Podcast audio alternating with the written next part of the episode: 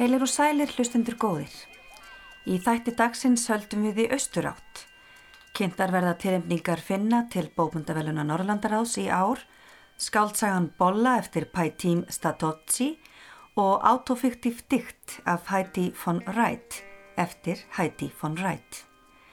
Fleiri tilvonandi velunabækur koma einni við sögu í þættinum en nýlega var tilkynnt hvaða verk domnemd mann búkervelunana valdi úr á svo kallaðan stuttlista. Kynnt verða þau sex skáldverk sem rötuð á stuttlistan í ár. En við hefjum þáttinn á umfyllun um Mannin frá miðuldum, bókum íslenska handreitasafnaran Þormóð Torfarsson, skrifuð á norsku af Bergsvenni Birgisinni rítufundi og nýju verki sem vonir á úr smiðju sama höfundar.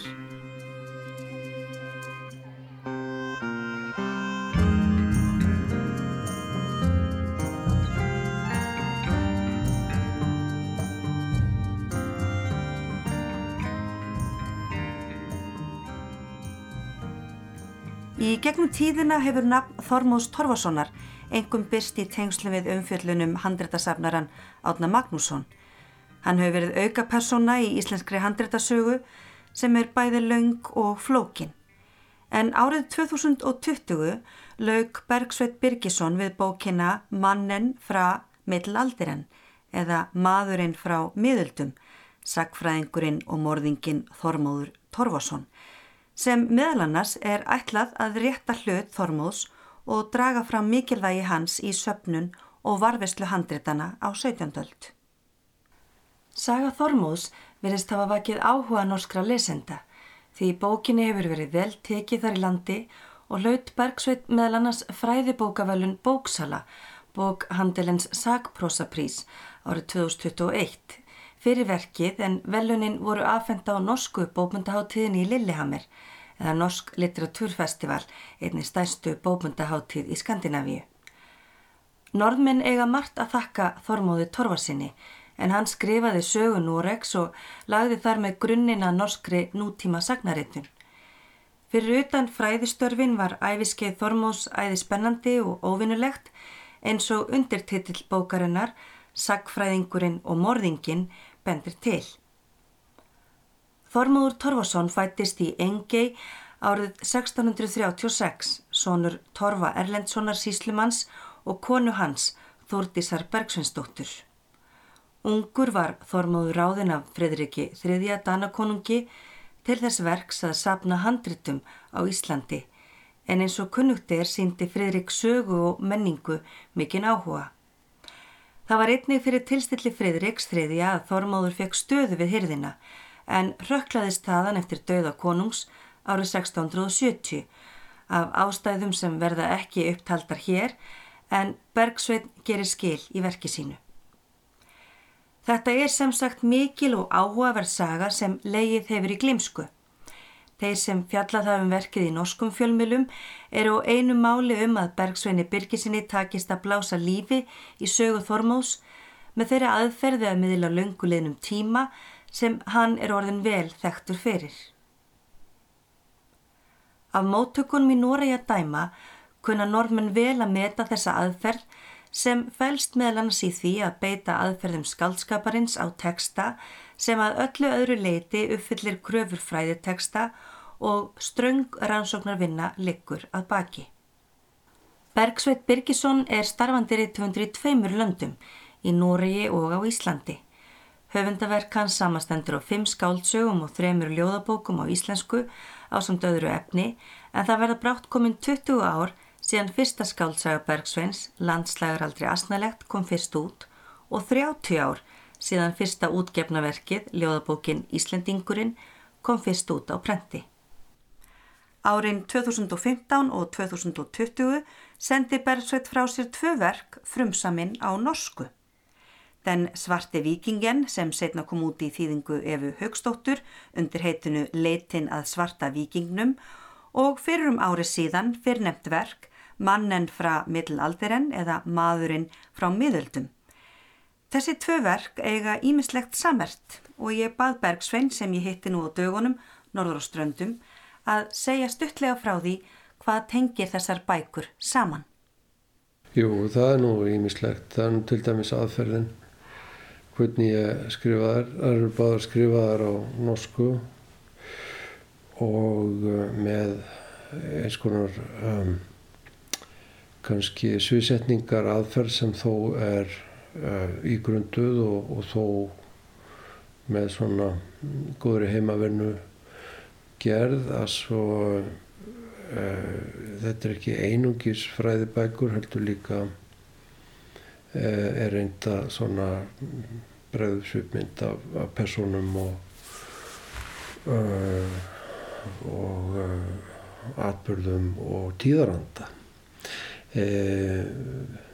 ég var dálítið meira á heimavelli því ég er svona sérfræðingur í nýjendöld skrifaði dóttarsvíkjulum drótkvæði á nýjendöld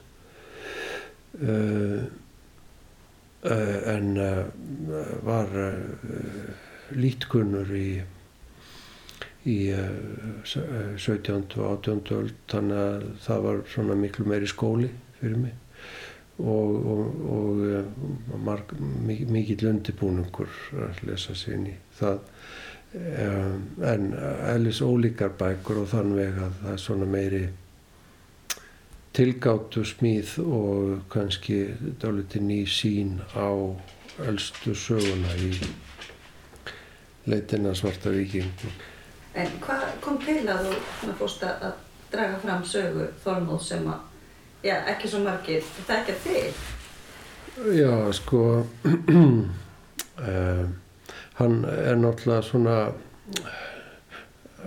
eins konar nágranni þarna á, í Vestur-Noregi, sko, hann bjóð þarna í 50 ár á, á Körmt eða Karmæ eins og heitir. Og uh, Uh, ég fekk svona áhuga á honum þegar ég komst yfir bók þar sem að, að maðurinn nafni Kólund Kólund hafði gefið út sagt, uh, brefa skipti hans við um, þunglindan ungling sem að vildi helst týna sér e, og hétt Árni Magnússon. Og þetta var afskaplega skemmtilegt og fræðandi og, og þegar ég fór að rannsaka hans betur þá sjá ég hversi rauninni mikilvægur hann var fyrir fæið mitt. Ekki bara þegar að koma því að hann skrifa í rauninni fyrstu samhangandi Noregsöguna heldur líka hvað var það að sapna handritum.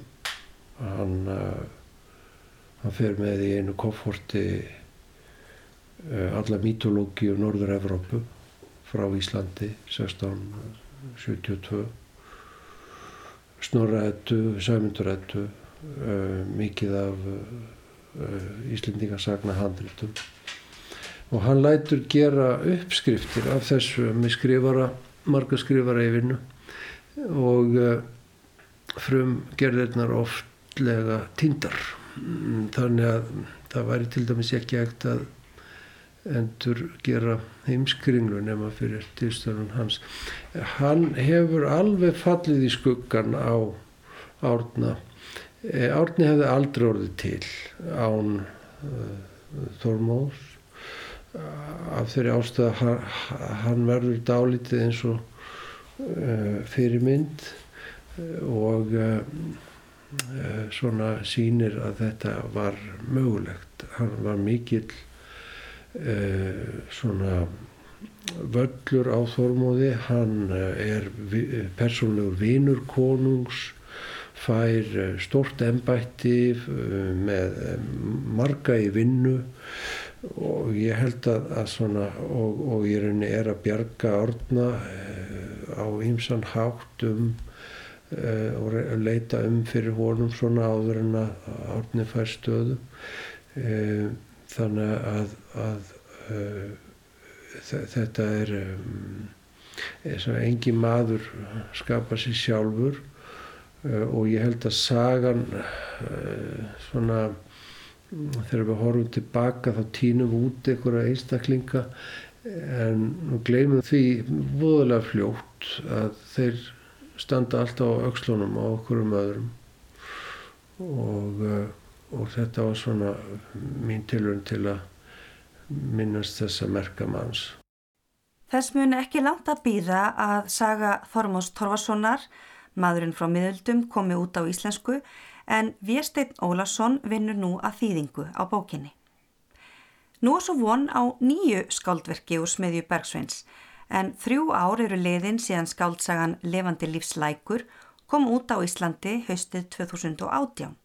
Útkoma skáldsögunar Kolbensei er rétt handan við hornið og er þar á ferðinni verk sem á eftir, ef markam á orð þeirra sem lesi þá að Kolbensei handriti, að koma lesendum verulega á óvart. Verkið markar einni tímamót á ferli Bergsveins því það kemur út samtímis á norsku og íslensku. Ég fekk Bergsvein til að segja okkur að litið frá þessu nýja verki. Já, það er uh, orðin uh, svona nútímaleg saga. Uh, saga sem að gerist eiginlega bara alveg í samtímanum. Ég held að margir hafi glimt því að ég sé til núna og sé í þessu, þessu samfélagi og, og þessum. Eh, að reyna ýmislegt vegna þess að ég hef verið aldrei mikið í fortíðinu og, og grafa svona upp ýmislegt og skrifa sögulega skáldsögur. Þannig að mér fannst alvoru tímabært það er nú ekki það sem er kannski kvötina því ég skrifi þessu sögu. Þetta er saga um eh, segja geðræn vandamál og, og kerfið sem að mætir því. Eh, þetta er eh, líka eins konar tilfinning fyrir samtíma og því sem er að gerast í, inn í okkur í samtímanum. Mér hef fundist að vera kannski það mikilvægast að eh, köllun eða mikilvægast að starf sem að listamenn eh, hafa sé að reyna að fá okkur að mynd á það hvað eiginlega er að gerast e, inn í okkur þar að segja þær breytingar sem við náum ekki að festa hönd á. Og uh, uh, og uh, þetta er þá tilraun, tilraun til þess. Þetta er svona eins konar road movie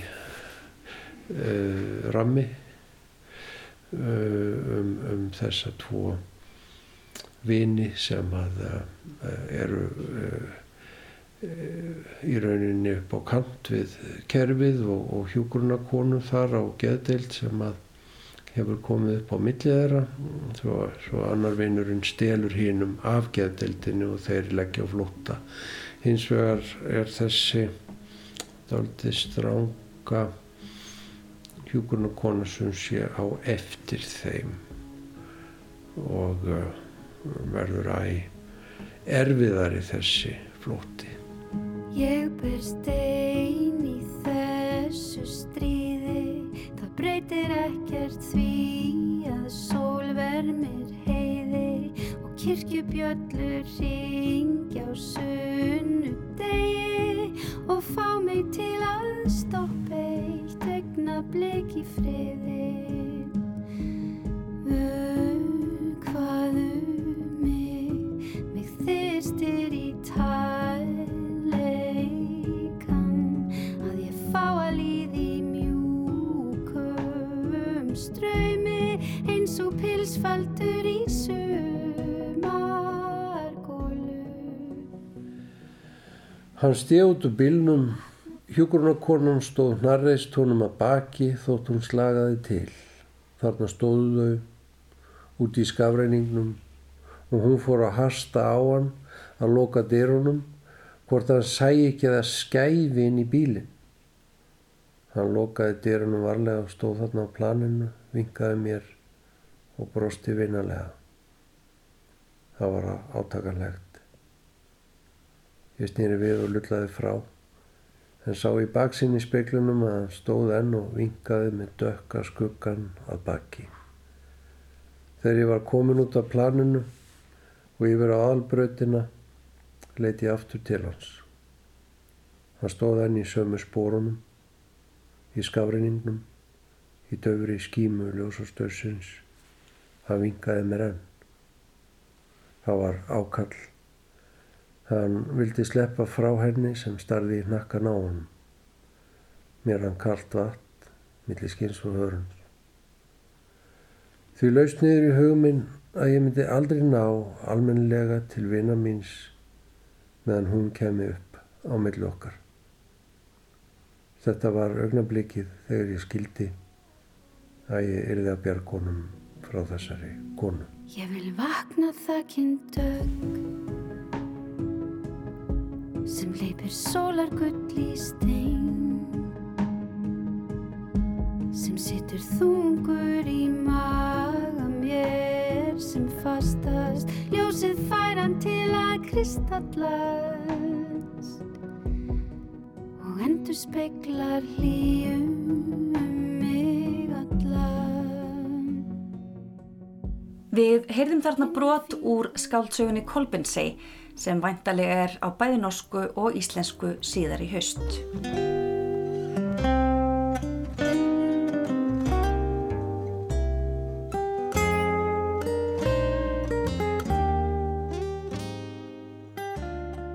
Frá því bókmyndavelun Norrlandaráðs voru fyrst veitt árið 1962 hafa þau fallið finnum tíu sinnum í skaut.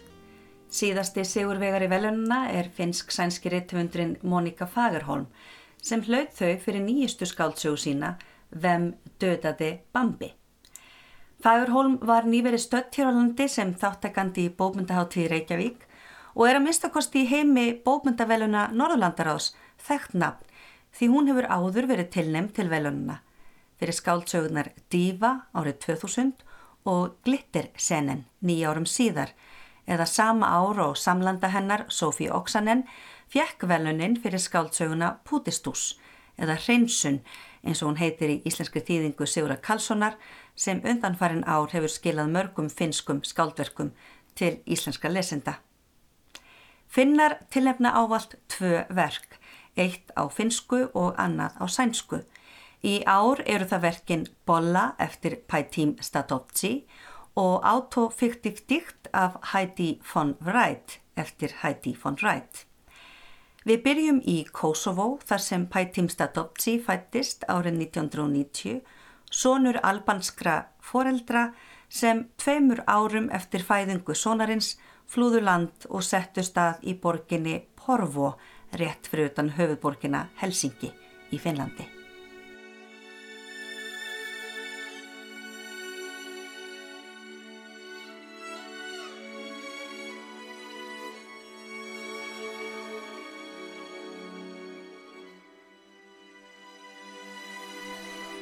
Skáldsagan Bolla eða í Kongens land, Kongsins landi, eins og norski þýðandi verksins Túrit Farbregt hefur kosið að þýða titilversins, kom út árið 2019 og hefur síðan þá hlotið verskuldaði aðtikli. Finnlandia velunin sem eru einn virtistu bópundavelun finna komu í hlut Stadovci það árið og fleiri viðurkenningar og tilnefningar fylgdu í kjölfarið.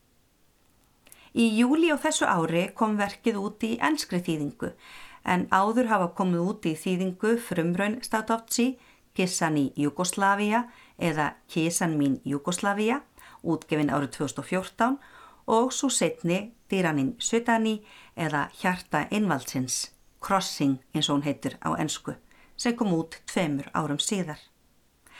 Það má því með sanni segja að Pætím Stadovci sé rísandi stjarnar ekki engungu í heimalandinu Finnlandi, heldur hefur hróður hans borist til hins enskumælandi heims og víðar.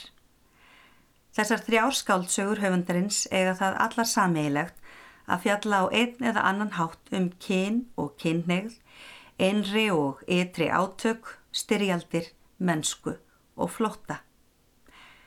Þetta eru með öðrum orðum flókin og margvíð verk sem krefjast mikils af lesanda og falla ekki auðvildlega að fyrirfram ákveðnum skilgreiningum eða merkimiðum. Höfundaverk Stautovci hefur verið sett í samingi við hinsegin bókmyndir, stríðsbókmyndir og bókmyndir innflytjenda. Í þeim byrtast flóknar personur í leit að sjálfum sér undir mjög erfiðum kringumstæðum. Skaldsagan Bolla fjallar fyrst og fremst um það lamandi tráma sem fylgir í kjölfar stríðs. Stríðinu er lokið fyrir löngu síðan, en stríðslokk hafa enga merkingu. Æse segir að þið eiginlega stríð hefjist ekki fyrir en stríðsátökunum er lokið og stilt hefur verið til friðar. Þá fyrst fáum við að sjá og upplifa það. Aðal persóna bókarinnar er Kosovo-albanin Arsim sem sest hefur að í höfuborg Albaníu, Pristína, á samt ungri eiginkonu sinni og stundar þar nám í bóbundafræði. Hann hefur mist báða fóreldra sína og selt æskuheimili sitt í sveitinni til þess að geta keift trörlega íbúð í blokk í borginni og nært drauma sína um að verða dageitt farsæl rittufundur. Það eina sem tengir Arsim við fortíðina, þau gildi sem fjölskylda hans hafði í heðri, er eiginkonan fagra og undirgefna, Æsje. Sjálfur finnur Arsim ástina í serbneska læknanemunum Milos sem hann hittir stuttu eftir komuna til Pristína. Þeir dvelja flestum stundum í íbúð Milosar og skapa sér þar hliðarveruleika í kringum ást sína. Ef markam á umfjöllunum fjölskyldugildi í Albaníu eru þau afar hefbundin. Þar gilda reglur feðraveldisins. Karlar eru karlar og konur konur. Ekkert rými fyrir nokkuð annað.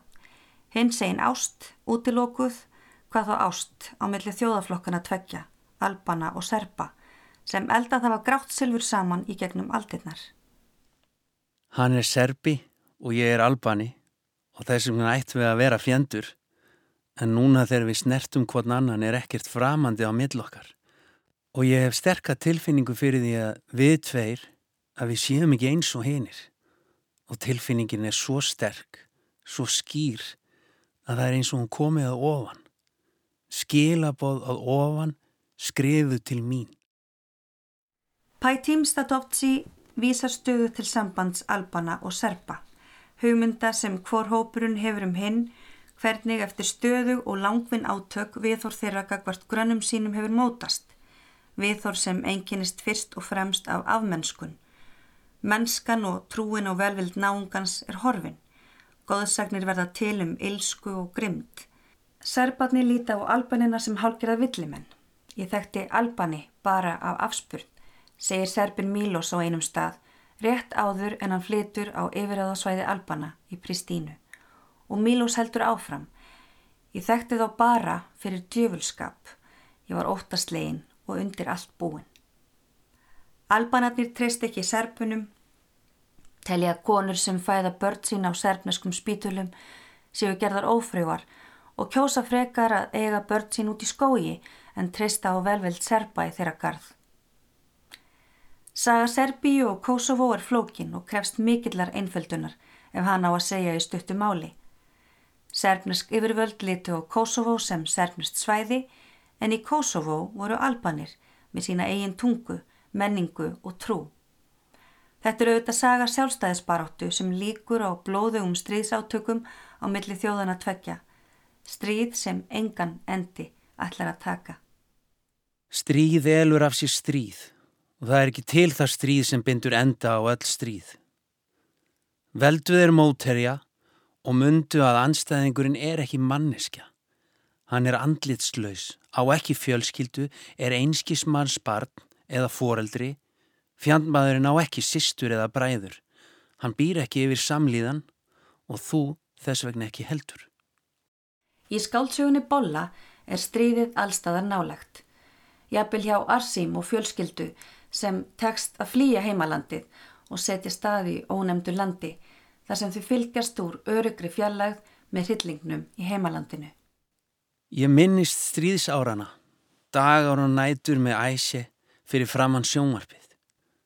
Stundir sem vonleysið rændi okkur af þegar við með hjártbræð í munninum fyldus með hverri daburlegu fréttinni á fætur annari og þegar einhver var drepin, þegar bær var sprengtur í loft upp, þegar hús, bygging, þorp, stóð í ljósum logum eða hlift var af vopni og þögnin á milli okkar og Guðs hafði smygt sér inn í herbergið og þegar við báðum til hans, til Guðs í húsinu okkar, fjarrri heima högunum, guðs sem við trúðum valla lengur á, báðum við, miskunnaði þig yfir okkur, láttu hérna föllnu vera sýstur eitthvað annars, pappi, bróðir eða frændur eitthvað annars.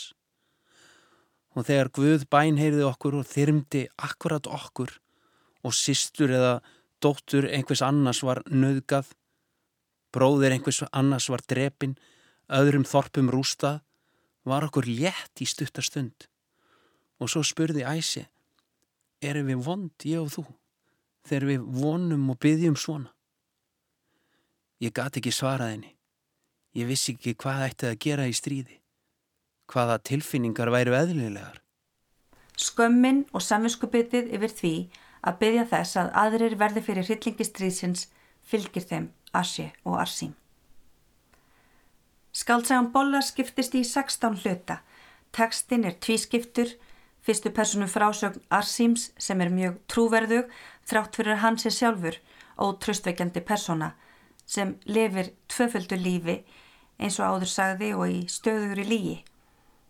Fjölskyldumadurinn Arsím og svo ástmaður Milosar.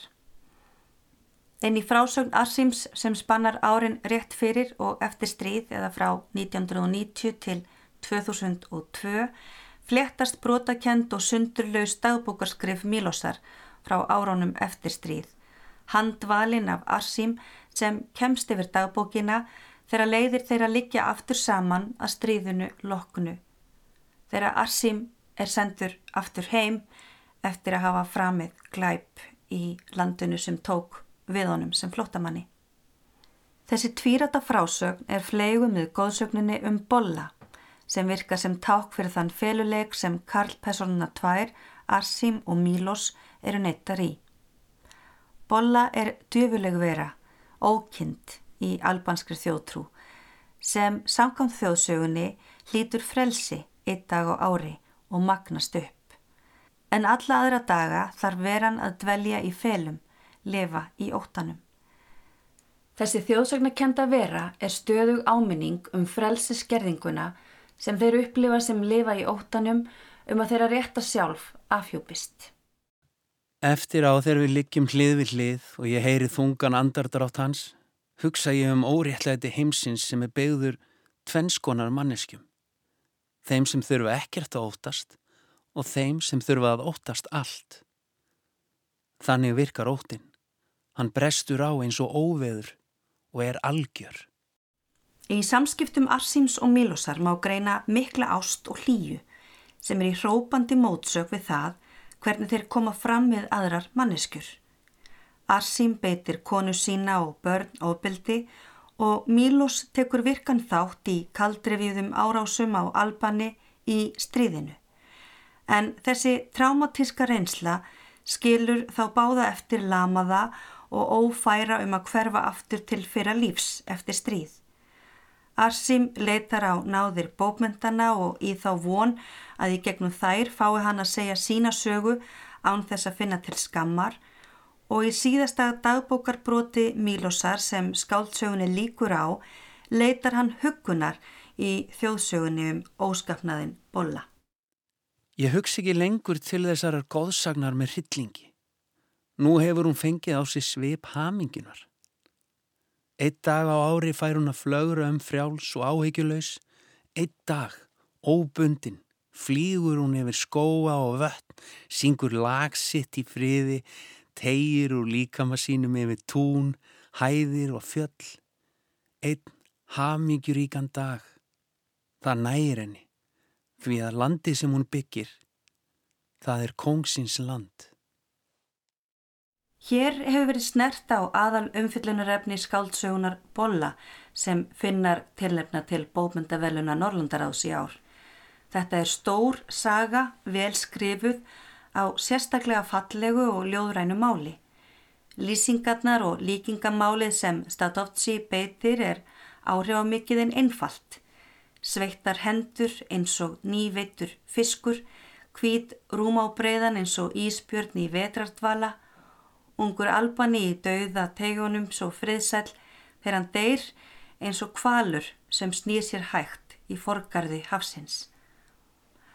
Bolla er borin upp af ástarsögu Mílosar og Arsíms en þriðja personan hinn hægláta æse sem byrtist í lýsingu Arsím sem hefðbundin albönsk eiginkona með álíka sterka nervuru og veggur eins og Arsím kemst sjálfur að orði styrkist eftir því sem álýður.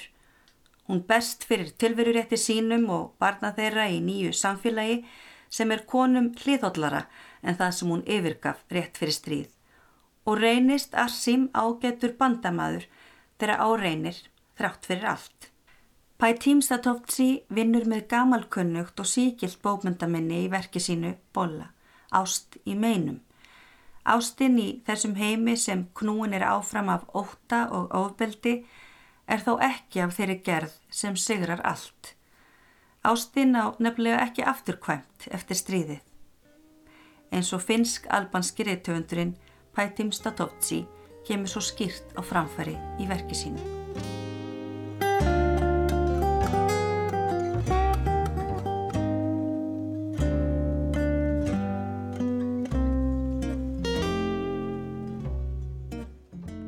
Eins og hlustendum er eflust kunnugtum eru tvö ofinber tungumál í Finnlandi, sænska og finska. Og finskar bókmyndir því í rauninni tvískiptar. Það er sem skrifaðar eru á sænsku og það er sem skrifaðar eru á finsku. Í flokki þeirra fyrrnemdu er nýjasta verk ljóðskáldsins og myndlistamannsins Heidi von Wright sem ber titilinn Autofiktiv dikt af Heidi von Wright eða sjálfsöguleg ljóð eftir Heidi von Wright. Heidi er fætt árið 1980 í Finnlandi og á að baki sjö útgefnar ljóðabækur, örsögur sem hún skrifaði í samstarfið finlandsænska reytöfundin Jólín Slotte, á samt fjölda myndasagna og tekninga sem hún byrti reglulega á heimasíðu sinni og á Instagram. Í Autofiktiv dikt af Heidi von Wright skrifar Hæti sig inn í bókmyndahefð sem á engum rætur sínar í tilraunum franskra reytöfunda með sjálfsæfisagnaformið á 8. áratögnum. Titillin minnir einmitt á verk sem oft er nefnt í þessu sambandi eða Roland Barthes par Roland Barthes. Sjálfsæfisögulegt verk franska fræðimannsins Roland Barthes sem rekur fremur sögu hugmynda en æfi höfundarinn sjálfs. Það var svo síðar annar franskur fræðimaður og rítumundur, Serge Dubrovski, sem setti fram hugtakið autofiction eða skáldæfisaga í verkisunni Fils. Hugtak sem allar götur síðan hefur verið sett í samingi við bókmyndaverk sem nota aðferðir skáldsögunar til þess að segja frá raunverulegum atbyrðum. Í skáldæfisögunni skilir höfundurinn sér ekki á bakvið tilbúna sögupersonu, heldur er þessi persona. Ég er höfundurinn í frásögninni sem byggir á reynslu hans og upplifunum. Um leið dregur skáldafisagan oft fram sjálfsmynd höfundar, hvernig personan verður til, hvern hún sér sig og hvað það er sem mótar hana. Í verki Heidi von Wright er ég bæði óstöðugt og flæðandi. Ég sé mynd af sýstur minni og held að ég sjáu sjálfa mig. Ég heyri röttenar og held að ég heyri í sjálfuri mér. Myndin af mér rennur saman við myndina af henni. Hárið hennar er líka hárið mitt. Augun mín, augu bróður míns. Hugsanir okkar, okkar eigin, en þær hafa seitlað í gegnum kynnslóðirnar. Í tekstanum kannar hæti líkindi á milli nákomuna ættingja og áhrif reynslu forfæðra og maðra á einstaklingin. Hvernig við erum stöðugt að tólka eða sjá fyrir okkur atbyrði í fjölskyldusögunni. Verkið samanstendur af endurminningum, fjölskyldusögum, atbyrðum í fortíð og nútíð. Þetta eru stuttar, ljóðrænar og oft kvestarslegar frásagnir sem standa sjálfstætt. Brot sem fyrrnemdur Roland Barth vísaði til með heitinu Biografem eða einhvers konar skyndimynda úr æfimanns eða eins og segir í umfyllunum verkið á síðu bókmyndavelununa smá atvik á mannsæfinni sem standa til hliðar við lífslaupið og varpa ljósi á það. Det här vet jag. Min mormors mormor var jordemor. Hon tvättade sina händer, tog på sig ett rent förkläde, välsignade sig och gick till dem som kallat på henne. Hon hjälpte Þetta veit ég. Langa langama mín var ljósmóðir. Hún þóði hendur sínar, klætti sig í reyna sundu, syngdi sig og fór til þeirra sem þurftu á henn að halda. Hún kom lífinu í heiminn. Hún hafði reynustu, snirtilegustu hendur sem ég hafði nokkuð tíman séð, sagði amma mín. Þau gengu saman út að Ísaröndinni, hún og presturinn. Báturinn til Hangu var farin. Presturinn rétti henni staf, hún steig upp á Ísjaka og stjakaði sér af stað. Þegar hún kom að landi, veifaði hún honum og gekk áfram út í víðáttuna. Svona sé ég þetta fyrir mér. Hún kom að landi. Engver í árabáti við Ísaröndina tóka mótinni. Þau réru á milli lands og ís. Þau börðu á dyr, stegu inn í stofuna. Hún baðum reynd lín og sjóðandi vatn og spurði hversu lengi hríðirnar höfðu staðið. Nokkrum tímum síðar var komið nýtt líf í lífið. Brot eins og þessi eru ábyrjandi í verkinu. Það sem ljóðmælandin vísar í fortíð sína segir sögur af ættingum sem lifað hafa í minni fjölskyldunar. Sögur borðnar áfram af ömmum og öfum til næstu kynnslóða. Heidi von Wright tvískiptir þessum stuttu frásögnum. Það sem vitað er með vissu, staðrindir, og það sem sjá þar fyrir sér, eðurnar sem þarf að skálda í, skáldskapur. Fortíð okkar, fjölskyldusagan, er jú að hluta til skálduð. Atburðir, personur eru valdar út, annað kvílir í þögninni. Benskan, fyrstu minningarna sem oftar en ekki byggja á skinnjun, snertingu, lykt og líðan, eru einni ábyrjandi í skáldæfi ljóði Heidi von Wright. Hér er einn þessara minninga og nokkuð víst að þeir hlustundur sem hafa reynsla því að klæðast sokkaböksum þekkja sig í þessum aðstæðum. Fyrsta minningin mín. Sokkabuxur. Hlýtt og þröngt fangelsi úr taugi. Saumar sem klæjar undan. Buxnaskálmar sem síga hægt niður, sokkar sem hanga eins og kaninu eiru á fótunum. Í umfyllun um autofiktiv dikt af Heidi von Wright sem byrtist á heimasíðu bókmyndaveluna Norrlandaráðs er sérstaklega að vísa til þess hvernig þessi 90 textabróti í verkinu falla undir ólík viðfónsefni en eiga það sameigilegt að fást við tíman, skálskap og veruleika, hverfuleika og augnablík úr hversteginum. Eins og oft á við um skáldæfisögur eru frásagnirnar kunnulegar, lesandi þekkir sig og sína sögu í þeim. Hér er verið að segja mun starri sögu því stór viðburðir á borð við styrjaldir, náttúruhamfarir, heimsfaraldra, snerta líf einstaklingsins. Saga höfundarins vísar ávalt út fyrir sig í mannkynnssöguna. Stríð eru ekki langt undan, frásagnir úr lífi formaðira og forfæðra eru litaðar af atbyrðum stríðsátaka og fyrirluta 20. aldar. Nákomnir ættingjar er í hópi þeirra sem falla í stríðinu, skip, bróður, móðuramunnar er skotið niður á þjóðverjum, langa við tínist á hafi úti, sorg, missir og hörð lífsbaróta einkennir margar frásagnana sem verkið hefur að geima. En þar er einnig að finna hinn hverstastlega harm. Móðrama mín sagði. Afiðinn frussaði alltaf svo miklu tangkremi á baðherbyrgi speilin þegar hann burstaði tennurnar. Það pyrraði mig. Ég þurkaði alltaf flekkina burt. Ég sagði ekkert en hugsaði honum þegjandi þörfina. Ef við aðeins hefðum fengið lengri tíma saman þá hefði ég left honum að frussa eins mikið og hann vildi. Sjálfsæfiljóð Heidi von Wright skortir ef þetta vil heildarmynd en það kvílir yfir þessu verki mikil fáun og einlægni. Þetta eru sannarlega bókmyndir augnabliksins, hægar bókmyndir sem byggja á finlegri skinnjun höfundarins fyrir minni, fortíð og sögu. Einu sinni vann ég við fordlefa uppgröft í hlýð við hafið. Jáhá, sumir koma gangandi eftir veginum en aðrir fara þessa leið, sagði fordlega fræðingurinn sem stýrði uppgreftirinum þegar ég kom gangandi yfir berjalingið. Littli hundurinn hann skellti. Við fengum stutt fyrirmæli og hver sinn spaða. Við grófum burt 30 cm þygt jarðlag og stiltum upp rétthyrningi. Á pappír var þetta nákvæmur uppdráttur. Við fengum hver sína múrskeið og fægiskoplu.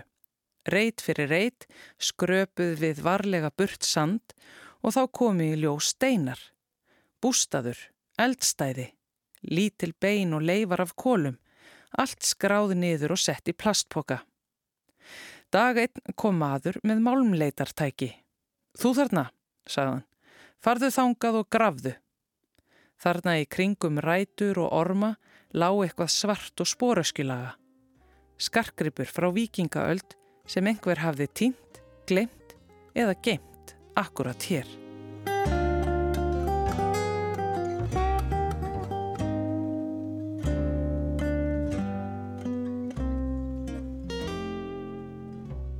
Í einum ennskumælandi heimi eru búkervelunin en þau stærstu og virtustu. Velunin eru árlega veikt höfundi frá Breitlandi, Írlandi, Breska samveldinu og Zimbabwe. Nýlega bættust í hópin allir þeir höfundar sem skrifa á ennsku og fá verk sín útgefin í Breitlandi.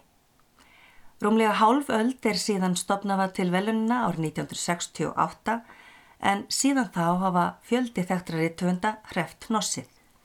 Salman Rushdie er eitt þeirra rittöfunda sem hlotið hafa velunin, var það segjum á frægur á einni nóttu þegar skaldsaga hans Midnight's Children eða Miðnætturbörn eins og hún nefnist í ílskra þýðingu Árna Óskarssonar skilaði honum velunónum árið 1981. Bókin hefur síðan þá tvívegis verið kosin besta velunabók Búkervelununa, Booker of Bookers eða Booker Bookerina, fyrst árið 1993 og í annarsinn árið 2008. Síðasti vinningsafi Bookervelununa er skosk bandaríski rittvöndurinn Douglas Stewart sem öllum að óvörum hlautvelunin fyrir frumrönn sína dóðrandin Shuggy Bain, gríðarlega velskrifaða fjölskyldusögu sem gerist í Glasgow nýjunda áratugurins. Yfirlýstur tilgangur búkarvelununa hefur frá upphafi verið sá að stöðlað víðari útbreyslu þess besta í skáldsagnagjær frá Breitlandi og Breska samheldinu. Að margra mati hefur það markminn náðust, það sína til dæmis sölutölur vinningsverkana. Vinningshafinn lítur ekki engungu dágóða upphæðaða launum, heldur aðtikli víða um heim, en það þykja búkarvelunin einn helsti bókmynda viðburður ásins. Fyrir dómnumd velunana í ár fer bandaríski sakfræðingurinn Maja Jasanov, sjálf margvelunuð fyrir verksín, Önnur sæti dómnefndarinnar eru skipu þeim Horatio Harrod, menningarblæðmanni The Financial Times, ennsku leikunni Natasha McElhone, guðfræðingnum og ennska profesornum Rowan Williams og nýgiriska rittvundunum og fræðimanninum Sigorsi og Bioma. Það er sem sagt valin maður í hverju sæti í búkerdónefndinni og ljóstað aðeins úrvals bókmyndaverk hljóta náð fyrir augum hennar. Þann 14. september síðastliðin var það kunngjört hvaða rítvundar rötuð á stuttlista velunana sem inniheldur venju samkvæmt sex skaldverk. Yngsti höfundurinn á listanum er Anúk Arut Pragasam, tamili frá Sri Lanka fættur árið 1988 og mentaður heimsbyggingur frá Columbia háskólunum í Bandaríkjónum. Verkið sem hann hlýtur tilefningu fyrir ber titilinn A Passage North og er saga sem sækir bakgrunn sinn til stríðsjáðs heimalandshöfundar Sir Lanka. Suður afríski rítuvundurinn Damon Galgut er ekki ókunnugur aðtöklinni og hamagangnum sem fylgir því að vera tilnæmdur til búkervelunana því þetta er í annað sinn sem hann hlýtur tilnæmningu. Í ár er það fjölskyldusagan The Promise sem skilar honum tilnæmningu en hún gerist í fæðingarbæ höfundarins Pretoríu á tímum aðskilnaðarstefnunar í Suður Afríku. Patricia Lockwood er bandarist ljóðskáld, rittöfundur og essayisti. Fyrsta skáldsagan hennar, No One Is Talking About This, hlýtur tilmyndingu í ár. Verk Lockwood sker sig úr öðrum tilmyndum verkum, samfélagsmiðlar og áhrif þeirra á tungumálið og mannleg tengsl eru meðal þess sem hún fæsti við og fer óhefbundnari leiðir en höfundarnir sem tilmyndir eru bæði ef litið er til viðfósefnis og frásagnar aðferðar. Einhverju hlustundur kunna kannast við sómalsk breska rítuundin Natífu Mohamed en hún kom fram í yðnó og vegum ríttöfundabúðana Iceland Writers Retreat árið 2017. Þriðja skáldsaga hennar, The Fortune Men, lendi á stuttlistanum í ár en í þeirri bók byggir natífa á rumurlugum atbyrðum dómsmáli frá sjötta áratug síðustu aldar sem líkur með síðustu aftökunni í Cardiff í Wales þegar sómalski sjómaðurinn Mahmoud Matan er ránglega dæmdur og hengdur fyrir morð. Síðustu tveiri töndarnir á stuttlista búkarvelununa eru þau Richard Powers og Maggie Shipstead. Powers er markvelunaður bandarískur ítöndur og fræðmaður sem þekktastur er fyrir verk sem sækja efni sitt í samband manns og tækni en ekki síst við aðrar lifandi verur og aðra heima. Hann hefur eins og Gal Gut áður verið tillemdur til velununa og hlýtur sína þriðju tillemningu fyrir skáltsöguna Bewilderment. Maggie Shipstead er þriðji bandaríkjamadurinn sem hlýtur tillemningu í ár fyrir skáltsöguna Great Circle, sögu á tveimur tímaplönum sem segir frá flugmanninum Marion og Hollywood stjörninni Hadley. Marion á sér þann draum frá unga aldri að fljúa um heiminn en setur markið eftir vill ofhátt þegar hún ákveður að fljúa ringin í kringum hnöttin, flugferð sem hún snýr aldrei tilbaka úr. Rúmlega hálfri öll síðar tekst stjarnan Hadley á við hlutverk Marion á kvítatjaldinu sem leiðir til þess að leindardómurinn að baki hvarfi þeirra síðarnemdu afhjúpast. Hér hefur aðeins verið snert á efni þeirra sex skáldsagna sem tillemdar eru til búkurvelununa í ár og þó ítarlegri umfjöllunum hvert og eitt þessara verka býði betri tíma er ljóstað um spennandi verkur að ræða sem hvert um sig er verðugt framlagt til bókmyndana.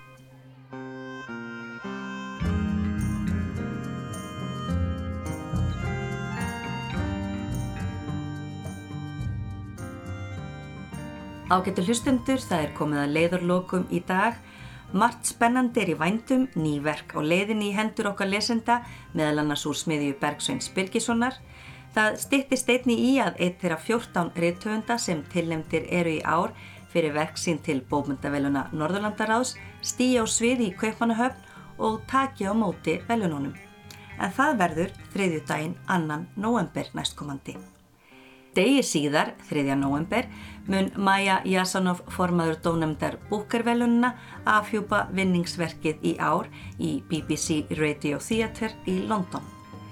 Fleiri verða orðum bækur ekki að þessu sinni.